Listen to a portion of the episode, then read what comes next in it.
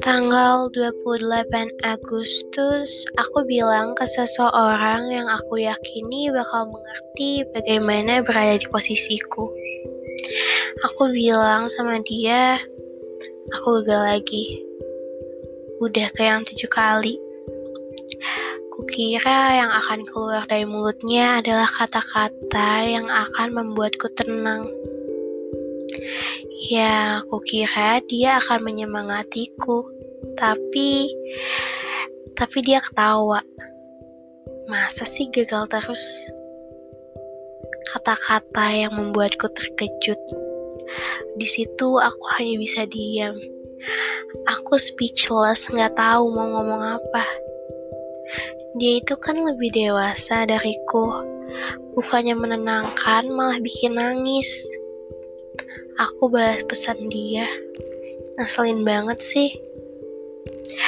Terus gak lama kemudian dia nelpon tapi aku tolak. Pasti kalian tahu kan rasanya diejek. Pokoknya waktu itu aku gak mau ngomong sama dia lagi. Tapi ternyata gak bisa. Ternyata aku butuh penjelasan tentang itu. Aku mengirim pesan, gak mau minta maaf. Terus dia ngejawab, Minta maaf kenapa? Minta maaf yang semalam, kataku. Ngapain minta maaf? Orang fakta kok. Makanya, belajar lagi dulu sama gue. Dia bilang kayak gitu. Demi Tuhan, di situ rasanya ingin marah banget.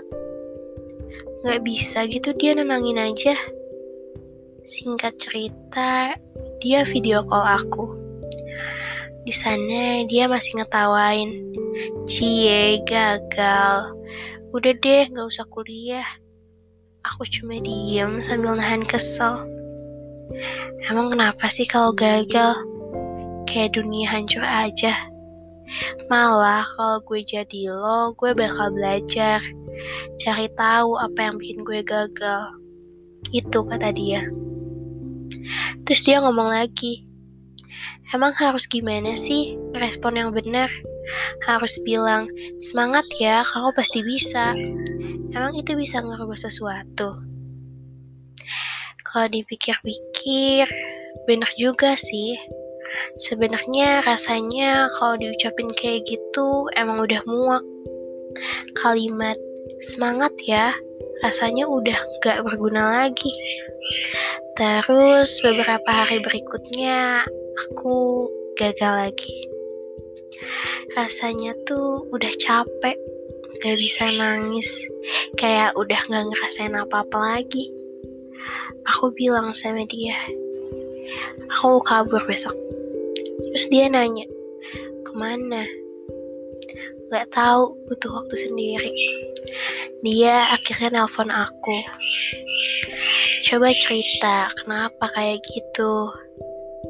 Bukannya senang dia telepon, tapi sebel. Karena dia nelpon waktu dia lagi bareng temen-temennya.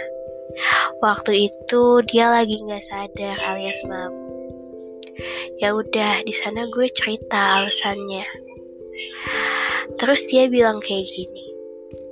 Gak akan bisa lama-lama senakal-nakalnya gue, gue cuma bisa kabur dua minggu.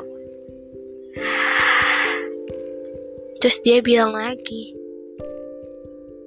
iya ngapain sih? Masalah tuh dihadepin, bukan dikaburin. Lagian lo cewek, masa mau pulang malam? Percuma ternyata gue nasehatin lo waktu itu.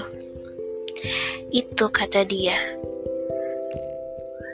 Aku heran sebenarnya kenapa sih dia tuh nggak pernah gitu bisa mendukung apa yang aku lakukan kerjaannya tuh cuma kalau nggak marah-marah ya nggak setuju sama yang apa aku lakuin kayaknya nggak ada deh orang yang lebih menyebalkan daripada dia kata dia aku itu bocah Ya terus kenapa emang kalau bocah? Kan butuh waktu untuk jadi dewasa. Pada akhirnya aku melaksanakan misi kabur seharian. Awalnya ke mall yang berujung belanja dan karaokean. Terus sorenya aku ke tempat makan di daerah atas. Rencananya biar tenang, lihat kota dari atas. Tapi pas aku baru banget duduk, ternyata live musiknya nyanyiin lagu lagu yang aku dan si menyebalkan itu selalu putar. Kan jadi ingat lagi. Di sana aku diam sampai larut malam, menikmati indahnya malam sambil berpikir. Ternyata dia benar. Masalah itu harus dihadapi, dan gagal itu biasa aja. Gak apa-apa, gak semuanya harus berhasil.